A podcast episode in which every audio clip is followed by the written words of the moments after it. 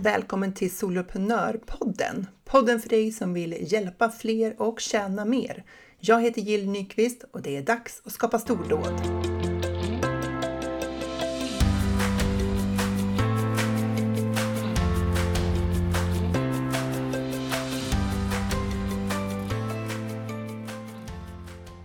Som soloföretagare så har vi ju inte någon att ehm, snickstacka med sådär bara vid kaffeapparaten som man har när man är anställd. Så eh, det är lite extra roligt att få prata lite allmänt om företagande och eh, bolla lite idéer och vända och vrida på lite olika funderingar.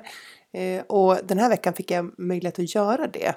Eh, och du får möjlighet att lyssna in på vårt samtal för den jag har bollat med den här veckan är Angelica Henriksson som driver Yogaprenör och du har ju hört henne tidigare här i Soloprenörpodden. Och det är eh, ett, eh, blev ett ganska långt samtal om, eh, om försäljning, om mindset, om planering, om företagsutveckling. Ja, alla de här härliga sakerna som vi gärna vill prata med varandra om. Men som vänner och familj kanske inte riktigt är lika begeistrad över. Så häng med i mitt eh, prat med Angelica. Hej Jill! Hallå Angelica! Vad roligt att få träffa dig i ett samtal på det här sättet. Ja, igen. Så, så skoj. Ja, och idag är vi inne i något, vi, vi testar lite nytt här och testar och sätter oss och bollar lite som en kollega till en annan på de ämnena som vi ändå jobbar med dagligdags. Mm, absolut, det finns eh, det, råder, det råder ju ingen brist på eh, intressanta ämnen att prata om när man är onlineföretagare och det känns ju fantastiskt att få prata med dig, du som faktiskt gillar att prata om de här grejerna. För när man pratar med övriga familjen då tycker jag att de zoomar ut lite grann. De förstår inte hur intressant det här är.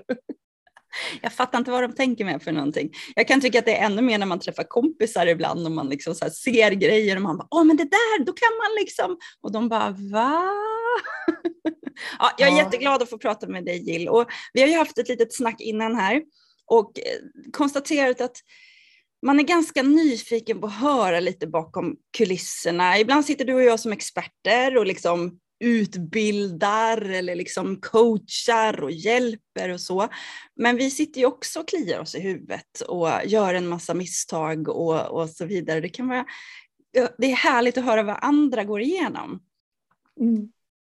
Och därför funderade vi på om vi kunde lyfta några ämnen som liksom finns lite så här on top of mind och eh, ge våra egna, våra synsätt på det utifrån där vi står själva, men också utifrån vad våra kundgrupper, våra målgrupper frågar oss om och eh, mm. vill diskutera med oss om. Absolut, och en, en sån här vanlig utmaning som jag stöter på, det är ju det här med att komma igång. Mm. Ehm, jag, jag har ju pratat lite grann om så här, men hur startar man från noll och hur börjar man om och allt det där. Men, men det är en grej det där med att liksom ha den här äh, känslan, den här idén om att man vill skapa det här företaget. Eh, eller den här delen av företaget, för man kanske är igång med någon, man gör någonting i sitt företag, men så vill man liksom eh, vrida det mot någon, på, på något annat sätt, mot en ny nisch eller liksom en ny tjänst eller sådär. Och så vet man liksom inte riktigt var man ska börja. Möter du också sådana som liksom så här, har den här liksom passionen och det här brinnet liksom, som man känner igen själv också, men de, de står liksom fast? Absolut, jag möter ju det hela tiden. Och det är spännande det du säger, att det är ju som olika delar. Vi har de som inte har startat företag än. Då står man ju och tänker så här, var, jag måste bara starta företaget och så är det lite läskigt och svårt och vad vi nu kan hitta på för, för så, så hinder helt enkelt. Men alla vi som har startat företag vet ju att själva starta företaget är ju en väldigt liten grej egentligen. Inte precis när man står mitt i det såklart, men när man väl har gjort det så har man ju gjort det. Men sen slutar det ju aldrig det här att komma på nya saker och starta upp och slutföra och leverera och, och så vidare. Men jag tänker att det är liksom de här man vet inte vad nästa steg är, det är ju ett, ett, um, ett skede som fortsätter. Mm. Det är mm. inte bara när man ska starta upp. Kan du känna igen dig i det? Ja, ja exakt. Det, det är ju både liksom, eh, kanske kan kännas eh, bra och kan också kännas dåligt på något vis. För man kanske har någon idé att man, här, när jag kommer fram dit framme, då kommer allting bli så mycket klarare, då kommer det bli tydligare, då kommer jag veta vad jag håller på med, eller då kommer jag vara trygg med att eh, de här kunderna kommer in, eller de här intäkterna kommer in, eller att jag har koll på läget. Och så tänker man att där borta har jag det. och, så, och nu har jag inte det, men när jag kommer dit så har jag det. Och så inser man sen när man liksom kommer närmare det målet, eller man kanske till och med har uppfyllt den, man kommer till den nivån i sitt företag. Och så inser man att det, det är precis lika många frågor nu, det är bara det är andra frågor. Mm. nu är jag över andra grejer. Nu är jag liksom rädd för att det här ska hända. Liksom. Så att, eh, sig själv har man verkligen med sig hela resan. Eh, det, man blir ju inte klar. Och beroende på hur man tänker kring det så kan ju det kännas superpepp. För man känner att åh, ständig utveckling och jag, jag, kan växa med mitt företag och det är liksom personlig utveckling och sådär. Eh, eller också kan det kännas väldigt nedslående för så här, jag tycker det är jättejobbigt nu och säg inte att det är lika jobbigt om fem år. Nej, och det kan jag väl säga, det blir ju mindre jobbigt. Är inte det en sak? Det, det slutar inte vara nya skeden av att man behöver ta beslut och gå igenom nya cykler och, och, och så. Men det blir mindre jobbigt i form av att man har den här erfarenheten och tryggheten i att ja, men jag har ju lyckats med det där, så varför skulle inte det här lyckas? Eller jag använde mig av den där tekniken eller frågade den och då funkar ju det bra. Så det kan jag väl tycka är att det verkligen blir bättre och bättre. Håller du med om det? Mm. Eh, jag tänker att det beror lite grann på om man gör jobbet med sig själv. För att, för att, man ska komma dit och kunna göra de där reflektionerna och så, då har man gjort sin personliga utveckling och då är man på en resa av att jobba med sig själv, sina egna tankar, sin egen förmåga, sin egen kapacitet. Och man har mognat i det. Men gör man inte det jobbet, då skulle jag säga att år fem är man på samma ställe mentalt som år ett. Bra reflektion, mycket bra reflektion. För man kan gå igenom ett, liksom ett helt liv som vuxen och aldrig fundera över varför är jag alltid omringad av idioter? varför, varför alla jag träffar, varför får jag alltid de sämsta cheferna? Varför får jag alltid de konstigaste kollegorna? Mm. Så här, jag är född med otur. Är lite statiskt mindset där, att uh, tänka att det inte går att förändra så mycket. Kan du dela med dig någonting? Vad, vad har du gjort för att liksom utvecklas på den personliga delen?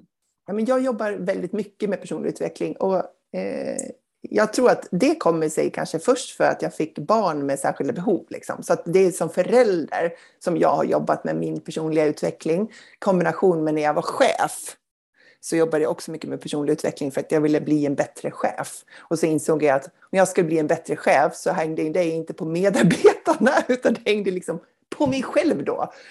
Eh, ja, surprise. Ja. Eh, så så jag tänker att det är de delarna som jag har liksom i föräldraskapet, eh, att leva med barn med ADHD och eh, i min roll som chef. Liksom. Därifrån kom ju jag när jag startade företag. Så jag tänker att jag hade lite, eh, jag hade gjort en hel del jobb innan. Mm. Men sen är, tycker jag ju att driva företag, det är lite grann personlig utveckling på steroider. att, att man får så många, det är ungefär som att vara förälder till barn med särskilda behov. Så här, man får många eh, utmaningar i vardagen vilket gör att man får väldigt många tillfällen att öva på svåra saker. Och så är det när man driver företag också, man får många tillfällen att öva på svåra saker.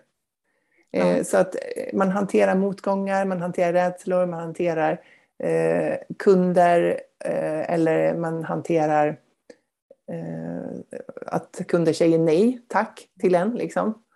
Eh, och sådär. Och att man, man utsätter sig för saker som tvingar en att hantera de här känslorna som kommer upp i och med det, många, många fler gånger kanske, än om man hade varit anställd. Hur tänker du kring det? Nej, men det tänker jag absolut. Um, man, man, blir ju ytterst ansvarig som egenföretagare. Jag, det är ju, allting hänger ju på mig, gott eller ont. uh, som anställd så kan jag ju ändå tänka att det är fel på ledningen, fel på chefen, fel på vad jag nu ska skylla på för någonting. Eh, det kan jag ju inte riktigt göra som egenföretagare. Nu ska jag säga att det tycker jag att jag kan se bland egenföretagare ändå. Eh, jag kan dra ett, ett exempel på att vi hade en lokal handlare här i stan som hon började liksom tapetsera upp sin butik med så här, du måste handla hos mig annars så eh, funkar inte min butik eller det, det dumma dig som handlar på nätet eller, eller sådär. Alltså skylla på kunderna. så så att det kan, man kan ju skylla på någon annan, absolut. Eh, men det går ju oftast inte så himla bra att göra det, utan det blir ju, man, man är ytterst ansvarig. Och ja, det har ju med mindset att göra, men istället för att se det som någonting negativt eller någonting läskigt så är det istället, jag kan ju påverka. Om jag inte vill jobba på måndagar så måste jag faktiskt inte jobba på måndagar, eh, vilket är ganska coolt. ja, det är ganska coolt. Ja, exakt. Och det, och det där liksom kan ju låta lite uppkäftigt om man är i ett läge där man sliter liksom för att bygga upp sitt företag och så, liksom så här, men du kan ju välja själv. Liksom så här. Ja, och det, jag tycker det är så här att i, i början av mitt företag, då gjorde jag vad jag behövde göra. För mm. att jag nu, några år in, ska kunna göra mer av det jag vill göra. Mm. Att det kanske är så i ett skede att man behöver liksom kavla upp ärmarna och köra på det som kommer in. Jag kanske inte älskar att jobba precis med de här tjänsterna eller med de här liksom uppgifterna mot de här kunderna, men det ger pengar in i firman just nu. Och sen vet jag att jag är på väg åt andra hållet. Ja, men, men jag gör det här under en tid för att bygga upp det kapital och den liksom snurr på ekonomin jag behöver för att kunna göra det andra sen. Men då tänker jag att det är fortfarande mitt val. Jag kan ju välja att se det som så här, åh, här, här sitter jag och gör alla de här sakerna som inte tar mitt företag i rätt riktning och så tycker man att det är en dålig sak. Istället för att säga så här, här tar jag ansvar för firman. Jag drar in de här pengarna nu och jag är på väg åt ett annat håll. Jag vet det och jag, jag tar steg åt det hållet. Eh, och det här är vad som finansierar det steget just nu. Ja men exakt så. Då tänker jag på två delar. Den ena är ju den här man brukar säga, de flesta överskattar vad man kan göra på en dag men underskattar vad man kan göra på 90 dagar. Den är ju väldigt sann. Om vi då tar det här dåliga exemplet, men att du, du kan inte jobba, jag vill inte jobba på måndagar till exempel. Ja men jag kanske måste jobba på måndagar för att få in mat och potatispengar och så som, som du nämner här. Men mitt mål är att jag ska kunna vara ledig varenda måndag. Då jobb, jag gör ju små steg för att komma dit och på 90 dagar, eller ett år då, eller alltså det, det är ju bara, men på ett, över mm. tid kan man skapa förändring.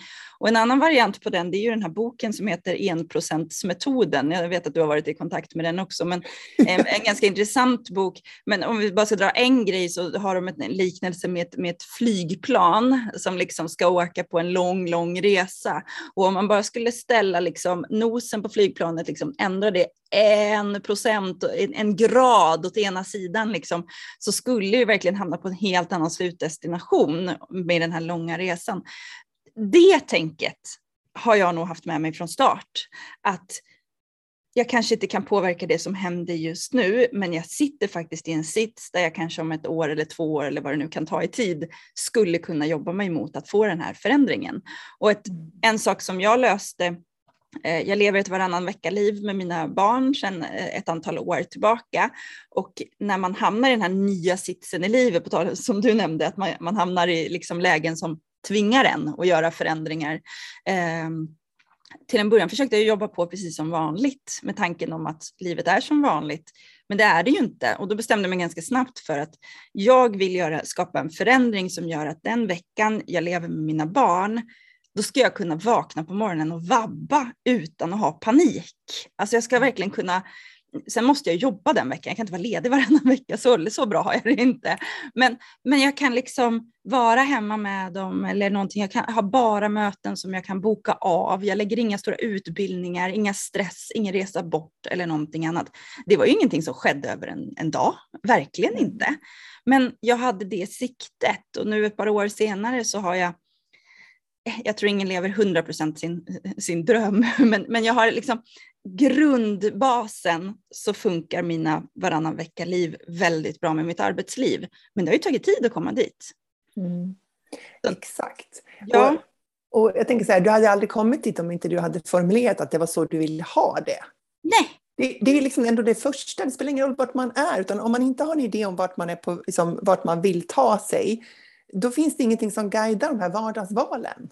Men när man har formulerat vad man faktiskt vill ha i vardagen, då plötsligt så får man en, en omedveten guidning i, som så här, om jag står inför två alternativ, då kommer jag förmodligen välja det alternativet som tar mig lite närmare min målbild. Och jag behöver inte ens sitta och analysera och skriva liksom långa liksom, beslutsunderlag för det. Utan det kommer att vara så här, det här är mer eh, rimligt för mig, eller det, det känns bättre, eller det här, det här passar bättre. Alltså man kommer att hitta förklaringar till varför just det där är lite bättre än det andra. Mm. Och det beror ju på att man har formulerat någon form av riktning. Mm. Ja men verkligen.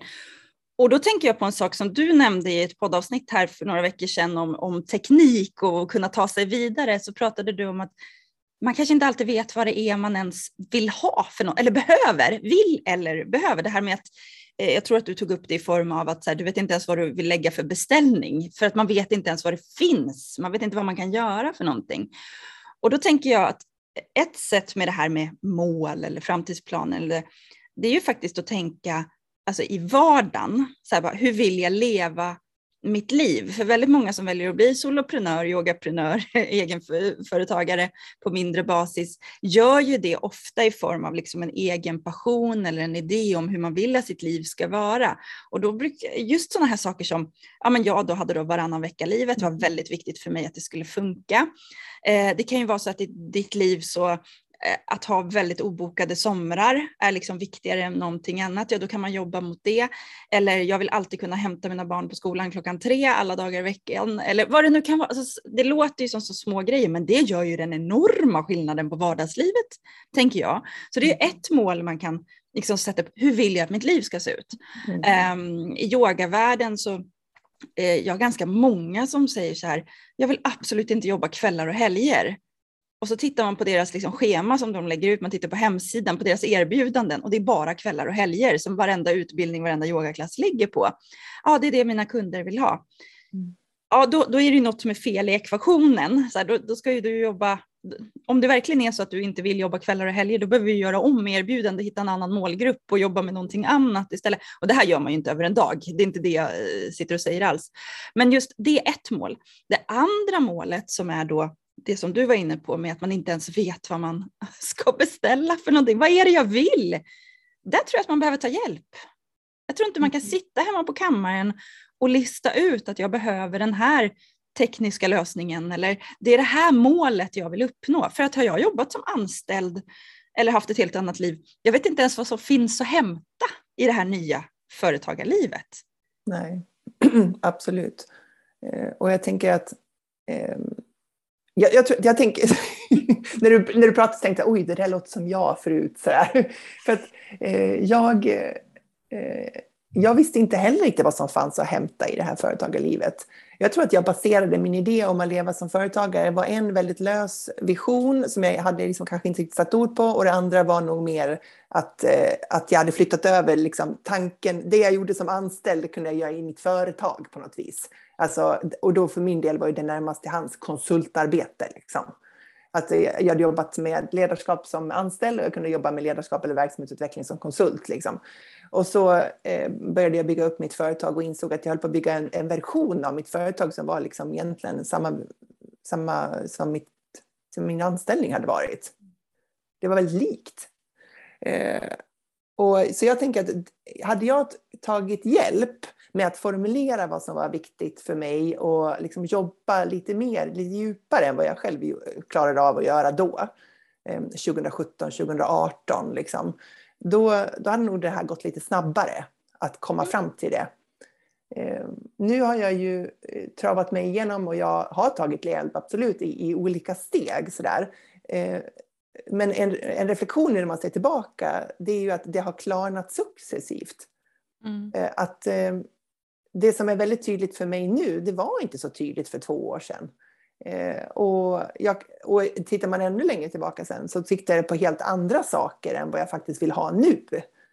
så att om man tittar på företagsdelarna som jag tänkte mig när jag började jobba som för, företagare 2018, då skulle jag ju vara föreläsare. Det var ju min målbild då. Eh, och ibland är jag lite korttänkt då, så att eh, jag tänkte så här, föreläsare, det låter ju fantastiskt.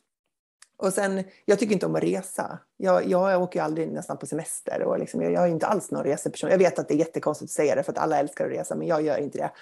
Ja, och Och då insåg jag, men föreläsare, jag kan ju inte åka på en fem mils radio runt mitt hem på dagsutflykter och tro att det ska funka. Jag kommer, alltså ska jag jobba som föreläsare och livnära mig på det, då kommer det vara Sundsvall ena dagen och så kommer det vara ner till Västerås eller kanske Malmö eh, ett par dagar senare. Och jag insåg, jag kan inte hålla på och åka hemifrån. Jag har ju barn, jag har ju hundar, jag har ju liksom en familj. Så jag insåg, det där passar inte alls mig. Jag kan inte bli någon där resande föreläsare, bara borta flera dagar, liksom, kanske i veckan och liksom, i månaden om det här blev framgångsrikt och turnera runt i Sverige. Aldrig! Och då, då, då kom jag ihåg när den insikten slog mig och så bara, åh, alltså jag är så korttänkt ibland. Mm. Och, och då, men då hade jag ju liksom så konstaterat så här, nej men det där kan jag inte hålla på och jobba för, för så vill jag inte jobba. Jag måste ju ha ett jobb där jag kan utgå hemifrån, att jag är hemma. Liksom. Så det, det, där gav sig liksom successivt över tid vad det var jag skulle göra i mitt företag. Och sen har det varit liksom en, eh, olika iterationer av det där, liksom olika varianter och, och så. Och jag tänker att det gör inte så mycket. Det är okej. Okay, liksom. det, det måste få vara den där resan. Det måste få vara resan. Det tror jag är jätte, jätteviktigt att tänka och inte se det som ett misslyckande eller att det har tagit för lång tid eller något, för det, resan har ju gjort någonting med dig. Det, liksom, och ska man vara sån och låta lite efterklok så finns det ju kanske en möjlighet att nästa gång du får en idé att du ska göra någonting så tänker du i alla fall till så här, nej just det, jag tycker inte om att resa till exempel. Och sen, men sen kommer du säkert falla i andra gropar. Definitivt.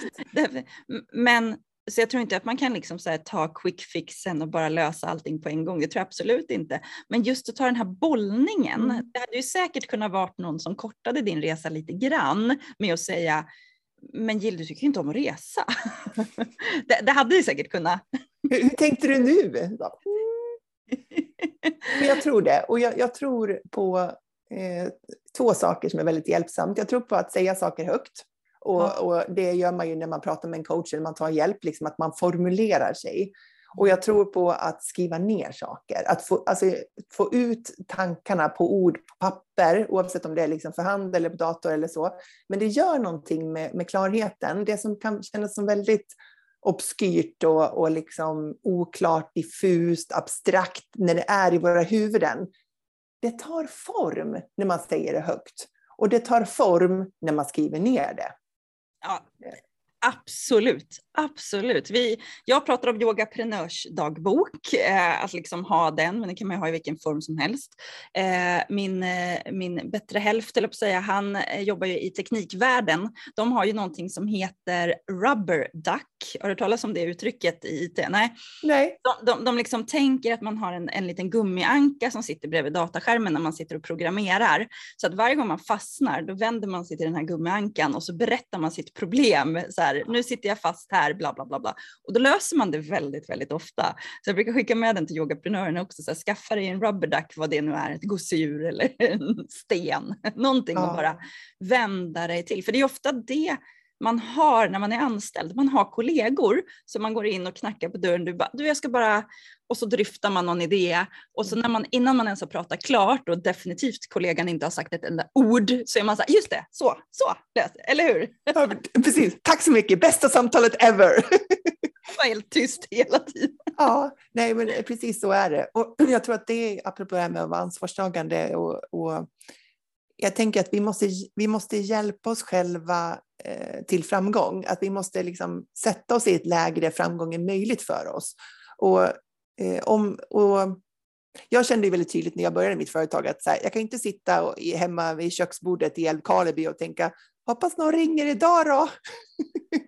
Utan jag tänkte att jag måste ju, jag måste ut där, jag måste ju synas, jag måste ju finnas. Och, eh, jag sökte ju upp eh, liksom, sammanhang då. Mm. nya sammanhang att vara i. För att jag kände precis det som du säger, att jag kan inte skapa mig ett nytt liv med hela historiken från mitt gamla liv, som då var verkligen kontorsarbete och chefskap och budgetar och stora företag och organisationer och allt det där. Och sen tänka att jag därifrån, med den hjärnan och det liksom sättet att tänka, bara kunna styra om och så börja jobba på ett helt annat sätt utan att, utan att jag är i ett sammanhang där andra gör samma sak. Mm. Så ett, någonting som liksom, jag kände starkt för min del att jag behövde för att jag skulle liksom göra framgång möjligt för mig, det var ett sammanhang där andra pratade om samma saker som jag ville uppnå. Gärna hade kommit lite längre än jag. Och jag gick med i två nätverk. Eh, ett nätverk är jag ju med i fortfarande, det med Malin Hammar Blomvall, som nu heter The Inner Circle. jag gick också med i ett affärsnätverk i Gävle. Aha. Och det var bara helt fel. Ah, berätta. Nej, men alltså, det var ju ett sammanhang som som inte alls passade det jag ville jobba med och det jag liksom, eh, drömde om och sådär. Utan det var ett ganska traditionellt företagarnätverk, eh, kanske fokus på restaurang, konsulttjänster, den här typen. Men mm. att jobba online, det var ju ingen som pratade om eller gjorde. Eh, och jag kände verkligen så här, okej, okay, hade jag velat bygga upp en konsultverksamhet, om det var det som var det huvudsakliga fokuset i mitt företag, och det var det som var min dröm, att jobba som en 100% uthyrd konsult, då kanske det hade varit rätt. Mm. Men det var ju inte det. Jag ville ju liksom utforska den här idén om att jobba online, men jag hade aldrig gjort det förut. Eh, och jag på riktigt hade ingen aning om vad CTA var eller en funnel. Eller liksom, det kändes ju som den grekiska när jag började. Så eh, jag kände verkligen så här, de här två nätverken då, där ett med Malin som var online, det var, och ett det här liksom traditionella business på plats, lo, liksom, lokalt. Så bara, nej men där, jag kan inte vara i det där lokala nätverket, för det är inte rätt. Det kommer aldrig ge mig det jag behöver. Så jag fick avsluta det då efter det året det var slut och sen har jag fortsatt då eh, i, eh, i det här online-nätverket. Och jag tänker att det var ett viktigt vägval för mig. För att tro att jag skulle kunna bygga upp det jag byggt upp idag genom att umgås med dem som gjorde helt andra saker. Det hade inte gett mig någon fart eller kraft framåt. Jag hade inte gett mig en viktig pusselbit av förutsättning för att lyckas. Mm. Eh, var det svårt att ta, säga stopp då? Liksom, för jag tänker att en del fastnar ju också i, ja men nu har jag sagt att jag ska vara med här, så nu är det lika bra att jag är med. Eller var, hur, hur resonerade du när du sa, nu ska jag inte ja, vara med här?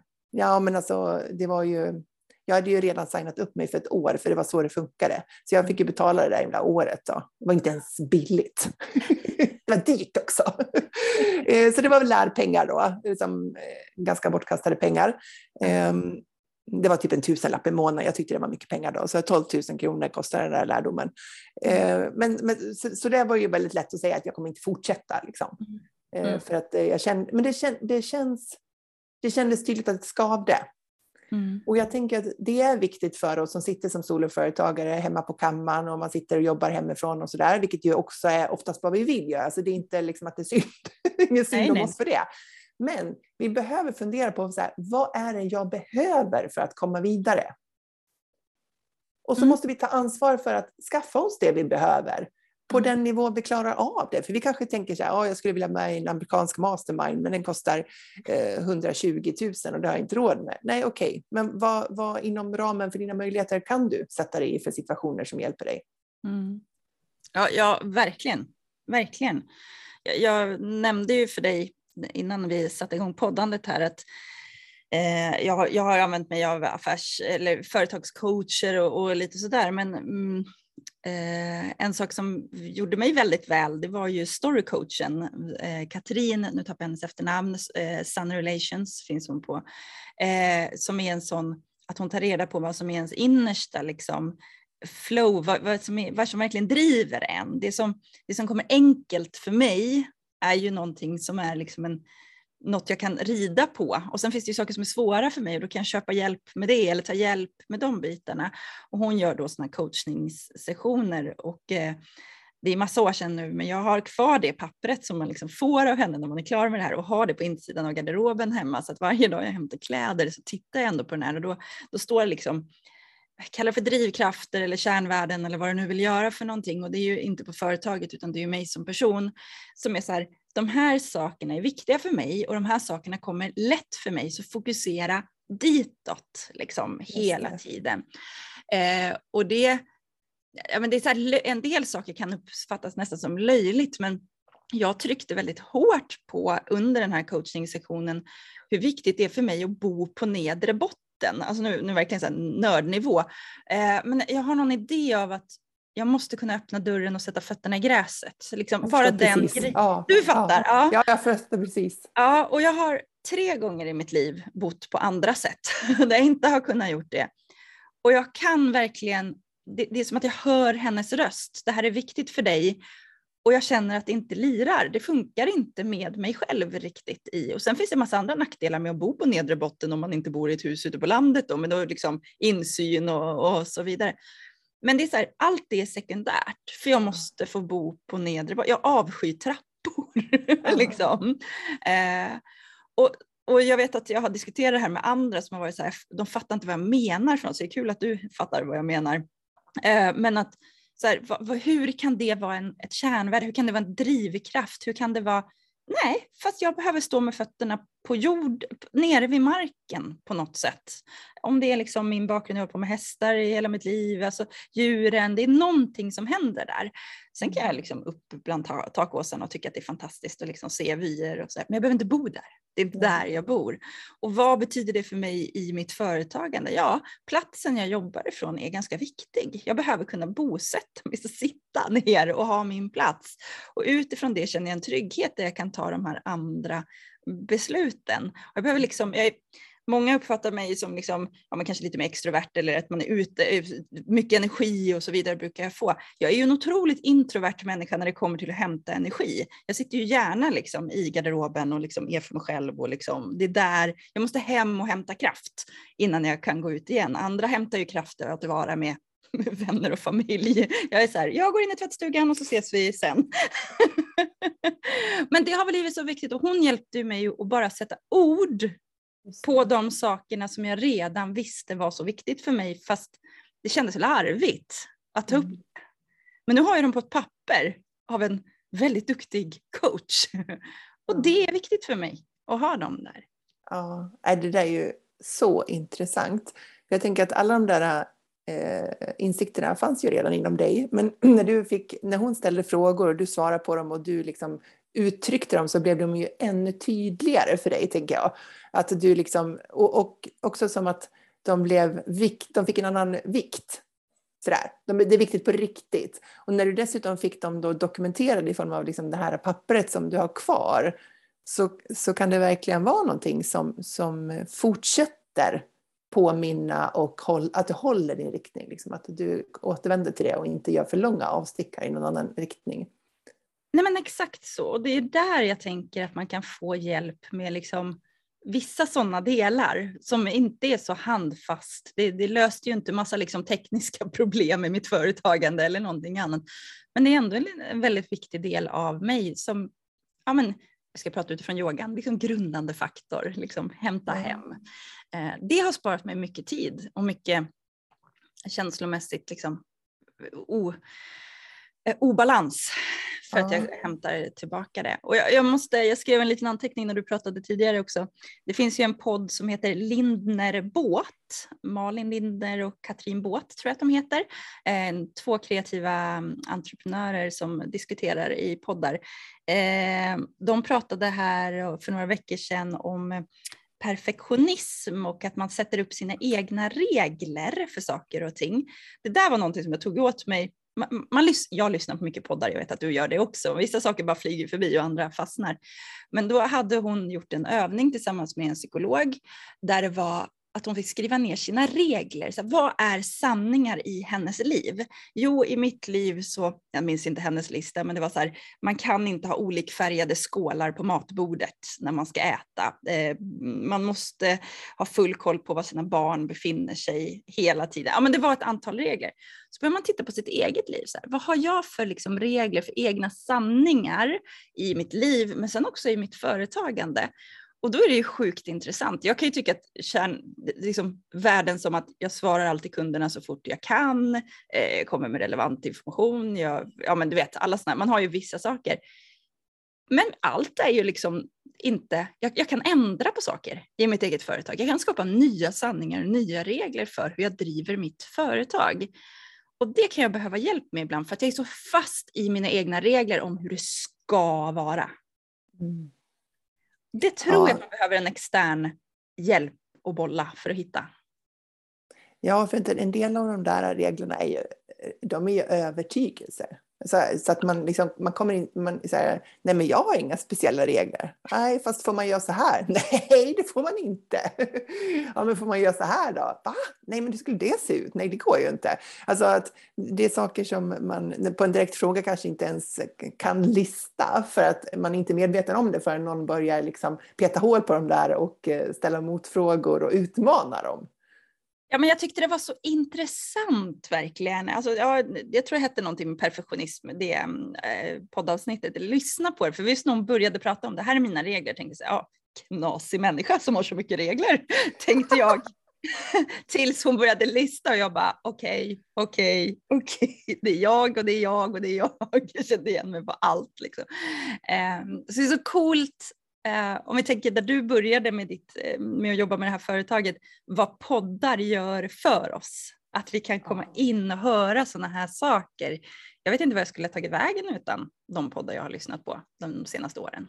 Nej, inte jag heller. Alltså jag undrar hur mycket jag har lärt mig om onlinebranschen genom att lyssna på ja, ohemult många timmar podd kan jag säga. Alltså, det är förmodligen otroligt pinsamt om man skulle få en statistik på hur mycket man har lyssnat. Eh, det skulle få en att fundera på om man har träffat sin familj under den här tiden eller om man har liksom umgåtts med någon vän eller om man har gjort någonting annat sådär, utan att ha podd i örat. Men det ger verkligen en fantastisk möjlighet att lära sig och att få perspektiv på olika saker. Som ställer vissa frågor som man funderar över som kanske inte skulle ha tänkt på de frågorna om jag inte hade hört dem i det där samtalet bland de där personerna eller så. Nej men verkligen, för nu är jag ju på nivån, undrar om jag ska hitta en riktigt bra psykolog eller coach eller någonting och så här, jag vill göra den här övningen. det här, jag vill, jag vill kunna skriva ner mina regler, jag vill diskutera dem med dig, jag vill liksom, men det hade jag aldrig, utan att lyssna på det poddavsnittet, hade jag aldrig tänkt tanken att det var det jag skulle vilja göra. Sen är jag inte helt säker på vad målsättningen är med den, men jag tror att jag är beredd på att utmana mig, för nu är jag lite inne i en bubbla här av mitt företagande, jag har nått målen med mitt varannan vecka-liv, alltså jag, jag lever lever för bra, det var inte så jag skulle säga. Men det, det, är liksom lite tryckt i bubblan just nu, så jag är beredd mm. att gå in och börja picka lite på den och se vad som kan göra. Och jag hade aldrig kommit på tanken att, att göra det utifrån något annat perspektiv. Så att, åh vad det är coolt. Jag är så mm. tacksam. Ja, det, det, är fantastiskt. Och det är väl sådär liksom att när man kommer till en, en viss grad av måluppfyllelse mm. då kan man bli kvar där och så kan man ju sluta utvecklas och växa för att man känner sig lite så här fat cat, lite nöjd med det man har. Och det där med att vara nöjd med det man har och stagnera, det kommer ju göra att man halkar efter. Det är mm. automatiskt att bara bli kvar där man är och då tänker jag mycket om den här personliga utvecklingen, och liksom, eh, att jobba med sig själv och, och, hur man tänker, hur man förhåller sig till världen och hur man tar motgångar och sådär. Att det är en, ett pågående arbete som, som man behöver hålla i över tid för att fortsätta eh, upprätthålla det liv man vill ha. För att eh, lägger man ner och känner sig klar och så bara, åh skönt, personlig utveckling 2021, check. klar. Eh, jag tror inte det är en bra idé. Liksom. Och sen tycker, sen, eh, ändå med det sagt så tycker jag att det, det, här är inte en antingen eller grej. Jag tänker att det är både och. Vi kan både vara fantastiskt nöjda med där vi är. Mm. Och vi kan hylla oss själva för vad vi faktiskt har åstadkommit. För många gånger har vi åstadkommit så långt mycket mer än vad vi ger oss själva eh, vad ska man säga, credit for, vad heter det? Mm. Mm. Beröm för. Ja, eh, för att det är så mycket saker som vi tar för givna som vi glömde bort att januari 2021, då hade jag inte det här och nu har jag det. Men, men det har jag glömt så att det ger jag mig själv liksom ingen, inget beröm för. Så jag tänker att vi ska absolut hylla där vi är. Mm. Och, att vi, och vi kan göra det samtidigt som vi tar ut riktningen för nästa steg. Det är inte antingen eller. Jag behöver inte vara... Alltså, att vara missnöjd i stunden skapar inte en bättre energi och drivkraft för förändring. Utan bättre då att här, känna sig kraftfull, lyckad, se på alla saker vi har åstadkommit och känna oss peppade och taggade över att vi faktiskt har gjort det här hit. Mm. Och att vi känner att all den kraften och den erfarenheten som jag har samlat på mig upp till den här nivån, den är, den är fri för mig att använda till nästa nivå. Jag kan fortfarande sikta framåt. Det är inte antingen eller. Nej men verkligen inte. Och jag tycker det här är så intressant. Jag fick så många trådar i huvudet samtidigt. Men lite det här fast med att ha med momentum som man brukar säga att liksom när saker bara går i, i farten. Jag diskuterade med en vän för ett tag sedan att de här dagarna när man har väldigt lite att göra av någon anledning, då är ju allt skitjobbigt. Kan du känna igen dig i den? Att så här, jag behöver posta ett brev idag. Undrar hur jag ska lyckas posta det här brevet idag, för det, det, jag har inget annat att göra. Medan en dag när man har liksom åtta möten och det bara går ding, ding, ding, ding, ding, ding, ding, då har man inte ens tänkt på att man har postat det där brevet för det gör man bara i farten på vägen till någonting annat. Liksom. Att, och det kan man ju använda lite även i projekten när saker går bra, att man använder farten för, för att komma framåt. Sen måste vi tänka på återhämtning och, och hållbarhet och så vidare, men, men man vill inte stagnera, man vill inte stanna upp. Återhämtning behöver inte betyda stanna upp helt och fullt, liksom stoppa kraften.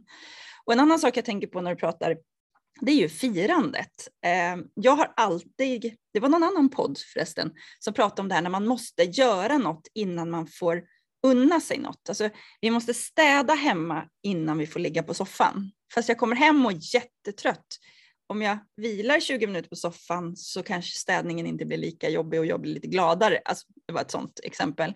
Mm. Eh, jag kommer verkligen från den kulturen eller uppväxten eller mina regler är sådana. Man jobbar först och vilar sen. Så, så är det. Och ofta så hinner det ju hända någonting nytt där. Så att det blir ingen vila eller det blir inget firande. Och jag jobbade ju som projekt, projektledare på en sparbank under ett par år och vi fick så full pott på alla utvärderingar, på alla projekt vi gjorde. Det var ett bra team, alla jobbade. Det vi hade sämst på år efter år efter år var att vi aldrig firade. Vi gjorde aldrig någonting. Vi var bara ett team som liksom, var bara nästa på nästa på nästa. När jag gick in i mitt företagande så hade jag ju kvar det där tänket av att liksom jobba, jobba, jobba, jobba. jobba. Jag har en, en mycket god vän, Oskar, som alltid har varit på mig och varit så här, men för FN, Angelica, du måste ju liksom gör si, gör så. När jag åkte på mina resor och utbildade yoga, till exempel i Göteborg, du vet, jag sov på golvet i yogastudion för att jag tyckte att nej, men jag vill inte värd att ta ett hotell. Det är väl onödigt att lägga pengar på det. Han bara, ta in på ett hotell, unna dig, du vet sådana. Det där har jag blivit bättre på. Att fira och att firandena inte behöver vara så stora, eh, så krångliga, de behöver inte planeras utan så här, har jag haft, det har gjort någonting riktigt bra på jobbet så försöker jag liksom etablera det hos mina barn också. Vet ni vad, idag ska vi fira för att idag gick det här bra på jobbet eller jag är nöjd med det här eller jag slapp det här. Alltså man kan fira små saker. Så de har ju blivit duktiga på att säga det här, mamma har vi ingenting att fira nu? Det är fantastiskt. Ja. ja, och det är jag lite glad över för det där vill jag ta in och försöka göra små steg. Och nu här i dagarna så avslutade jag ju något som kallas för programmet där jag har coachat ett par yogaprenörer under 15 veckor.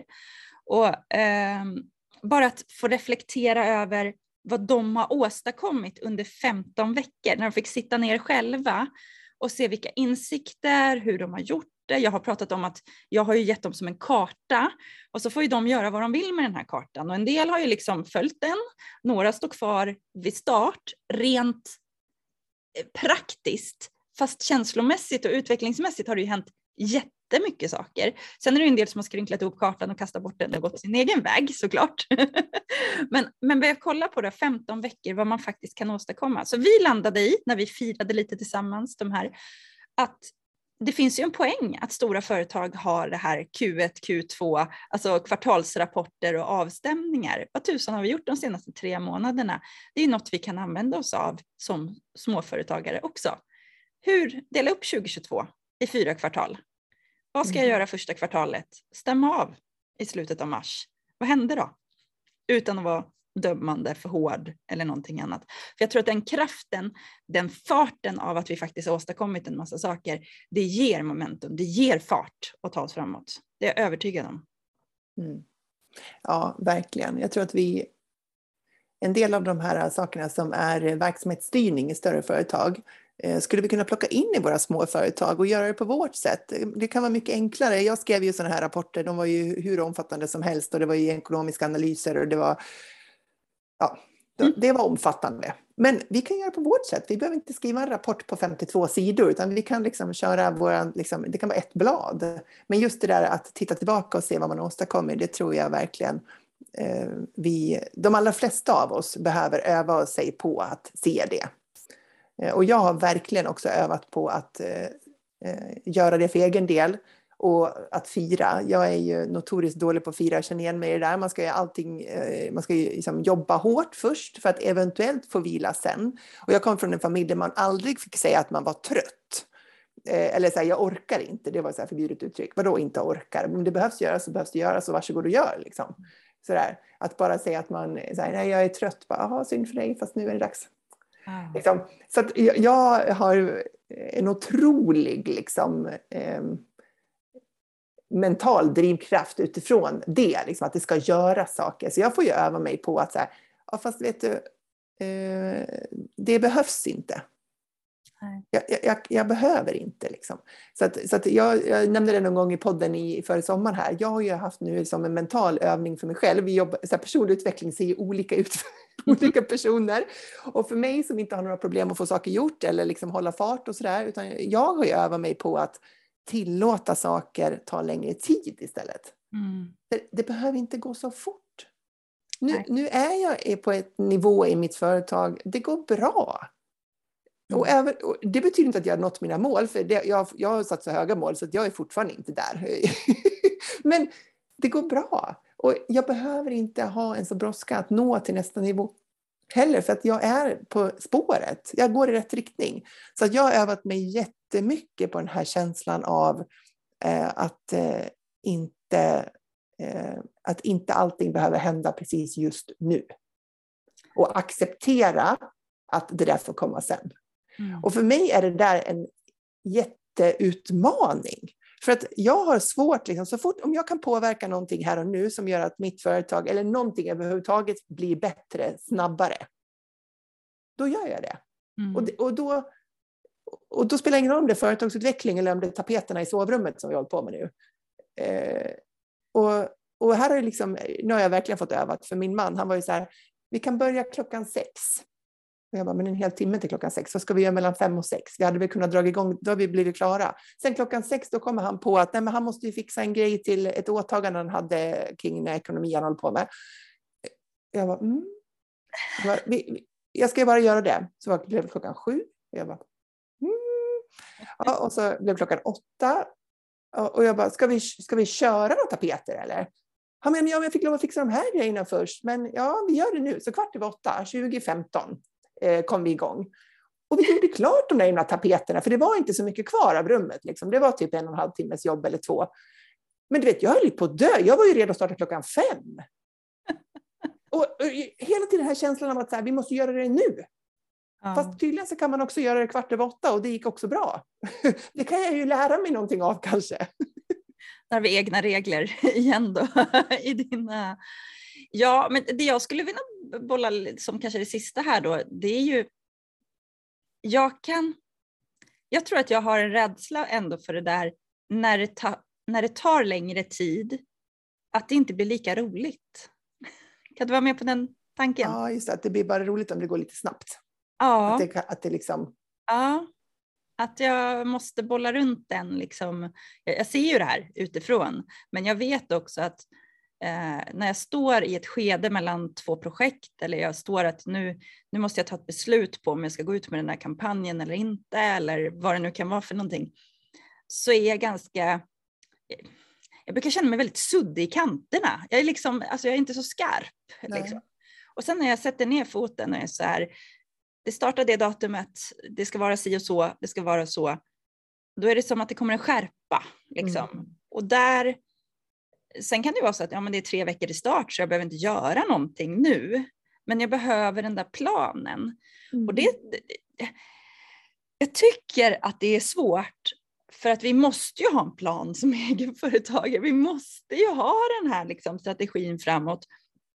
Men den får inte käka upp oss. Jag tycker att balansen är ganska svår och du hade fått i, i feedback från när vi hade ett samtal tidigare när jag var med i din podd där, eh, om att ja, men, åh, det, det, det, hon verkar så driven och, och så, här, så där driven kommer jag aldrig vara så jag kommer inte lyckas eller du hade fått någon sån där. Ja, vi vill inte skrämma bort någon, vi vill inte göra någonting annat. För min framgångsfaktor är ju att jag har drivit mitt företag på det här sättet. Det hade mm. kanske gjort gott att göra det på ett annat sätt, men en av mina framgångsfaktorer är ju att jag har jobbat på det här sättet. Det är svårt att göra om och göra på ett annat sätt och jag vet inte om jag mår dåligt av det. Det har varit många tankar här nu, men, men jag, jag tycker att det är svårt att hitta lagomet. Ja, jag tänker så här att jag eh, för mig handlar det egentligen inte om att sänka tempot, för jag trivs att jobba i högt tempo och jag trivs att ha mycket att göra. Men det handlar om från vilken energi jobbar jag i det höga tempot. Mm. Jobbar jag utifrån en känsla av att det är brådska och att det är press och att jag har tankar om att eh, om, eh, eh, jag måste framåt snabbare för att... För att vadå? Vad är det jag tror ska hända? Eller jobbar jag i det här tempot utifrån en energi av så här, vad härligt att känna den här kraften, den här inspirationen, den här som förmågan. Det, det är en annan drivkraft. Och jag mm. tänker att så länge vi jobbar i den positiva drivkraften och inte jobbar utifrån de här negativa känslorna och tankarna, då har vi mycket mer hållbar energi att använda. Vi kanske åstadkommer samma resultat, men vägen dit blir så mycket bättre. Snyggt, mycket snyggt taget. Det är samma kraft framåt, men de kommer från två olika håll. Ja, mm. och jag vill mm. jobba från det här liksom mer positiva eh, hållet och, och liksom se till att uppehålla mig där oftare. Vilket ju inte säger att det inte möter motgångar eller att eh, eh, jag vill liksom ligga på sofflocket eller sådär. För det, vill jag inte. Jag älskar ju att jobba. Det gjorde jag som anställd också. Det gick ingen nöd på mig då heller. Jag hade ett högt tempo då också. Så det är inte det. Utan därifrån, så här, varifrån hämtar man den där äh, kraften? Eh, och se på sig själv ibland med lite utifrån perspektiv. Ja men verkligen. Ja, men jag tar med den som liksom, så här, något att suga på till nästa gång vi träffas i någon form. För att jag, jag ska se om jag kan lägga kraften i två olika fack och se vad det är som pratar. Jag tyckte det var bra. Tack Jill. Mm. ja, varsågod. Riktigt bra. Men om vi som absolut sista grej här innan vi ska lägga på för podden bara eh, nu pratar vi om att vi tycker om att jobba och ha det här tempot och så. Om man står där och inte kommer igång då, man har alla idéerna och sen vill komma igång. Ska vi skicka med något sista till, till dem? Har du mm. något? Ja, men jag som är så nördig på hur vi tänker på saker och ting. Jag tänker att det som hjälpte mig, det var att släppa tanken på att det fanns den enda, den enda rätta vägen. Mm. När, jag, när jag öppnade upp för att säga, jag har det här målet, men det finns många sätt att nå dit. Och yeah jag kan välja många olika eh, aktiviteter som mina första aktiviteter. Och det viktiga är inte vilken av dem jag väljer. Det viktiga är att jag gör dem. För den där känslan av att vi måste välja rätt. Jag måste välja så här, oh, är min fokuskanal Instagram eller Facebook? Och så bara, oh, tänk om jag väljer fel. Nej, men ta, ta en. Mm. Eh, vilket e-postmarknadsföringsprogram ska jag använda? Är det MailerLite, Flow? Jag ska säga, spelar ingen roll. Ta ett. Alltså, när man avdramatiserar och inte tror att de mest avgörande företagsbesluten kommer liksom behöva ske dag två på din nya riktning eller dag två i ditt eh, företag. Eh, det, så är det inte. Det finns inte en väg för att nå det du vill upp, liksom, uppnå. Det finns många vägar. Så känn dig fri att börja och testa en. Mm. Mycket, mycket bra. Och som ett följetips då, om jag ska skicka med, att då, när man har tagit Gills bra råd där, då är ju listorna det som jag tycker hjälper till. Då, så här, ah, vad behöver jag göra nu för att komma igång med mitt mejlutskick till exempel? Ja, men Gilla har sagt att det spelar ingen roll vilka jag väljer. Jag tar MailerLite. vad är det jag behöver göra? Jag behöver göra det här, det här, det här, det här. In i kalendern, kollar när är det rimlig tid att göra det här? Ja, men jag, jag fixar det torsdag förmiddag och då avsätter jag tiden för det och så gör man. Att det inte blir den där listan, att det liksom, för allt som är i huvudet käkar ju upp en fullständigt. Alltså den här stressen av um, ja, men en dag när man kanske är lite hormonell obalans, man sover lite dåligt, familjen är lite jobbigare än vad de brukar vara och så kommer man till jobbet och känner sig vrålstressad. Innan man har skrivit ner det på pappret, eller man, jag ska säga jag, innan jag har skrivit ner på pappret vad är det jag ska göra idag, då kan jag känna att den här dagen kommer gå åt pipsvängen. Gud vad jag har mycket att göra och sen skriver man ner och så bara, jaha, då är jag klar innan klockan tio då, för att jag bara betar. Ja, det är bra. Det, är bra. Det, det, visar faktiskt också den här 1%-boken som du nämnde i början. Jag tror det heter Atomic Habits på engelska. Jag läser den på engelska. Eh, just att våra vanor måste bo någonstans rent fysiskt i våra liv. Så att skriva ner dem ökar sannolikheten med jag vet inte hur många procent att vi faktiskt får det gjort när vi säger så här, det är på tisdag klockan 10. Det är då. Det är då jag gör det där. Allt ifrån företagande till träning till städa rummet eller vad ja. det nu är någonting. Mm. Ja, ska det vara de slutgiltiga orden för idag? Tack så mycket. Jag fick mig en del att fnula på. Jätte... Ja. ja, men stort tack själv. Vi får göra det igen. Det gör vi. Ta hand om dig. Du med. Hej då! Ja, det var mitt eh, prat med Angelica. Var det någonting som resonerade i dig? Var det någonting som du blev inspirerad av eller som du inte höll med om eller som du fick upp någon form av reflektion? Du får jättegärna ta en skärmdump på det här avsnittet och tagga mig och eh, alltså solopreneur.nu eller yogaprenör och berätta vad du tar med dig eller vad din fundering är kring det här avsnittet. För jag hoppas ju att eh, den här typen av eh, här, bakom kulisserna prat kan hjälpa dig att skapa dina stordåd. Går du och funderar på om det här med medlemstjänst kan vara någonting för ditt företag för nästa år? Då kan jag berätta för dig att eh, nästa gång Soloprenörer öppnar blir i januari och det jag öppnar då för dig som känner att du vill utforska den här möjligheten att få återkommande intäkter i ditt företag genom att hjälpa människor inom just det området som du älskar att hjälpa till med. Så att eh, är du intresserad eller bara liksom funderar på att gå med i Soloprenörerna, då tycker jag att du ska gå in på solopreneur.nu och sätta upp dig på väntelistan. Förstår du på väntelistan och du väljer att gå med i Soloprenörerna nästa gång jag öppnar, då kommer du få ett fint, fint erbjudande. Så in där, solopreneur.nu och ställ dig på väntelistan. Det finns en knapp där på första sidan. Så eh, är du redo att ta emot ett fint bonuserbjudande.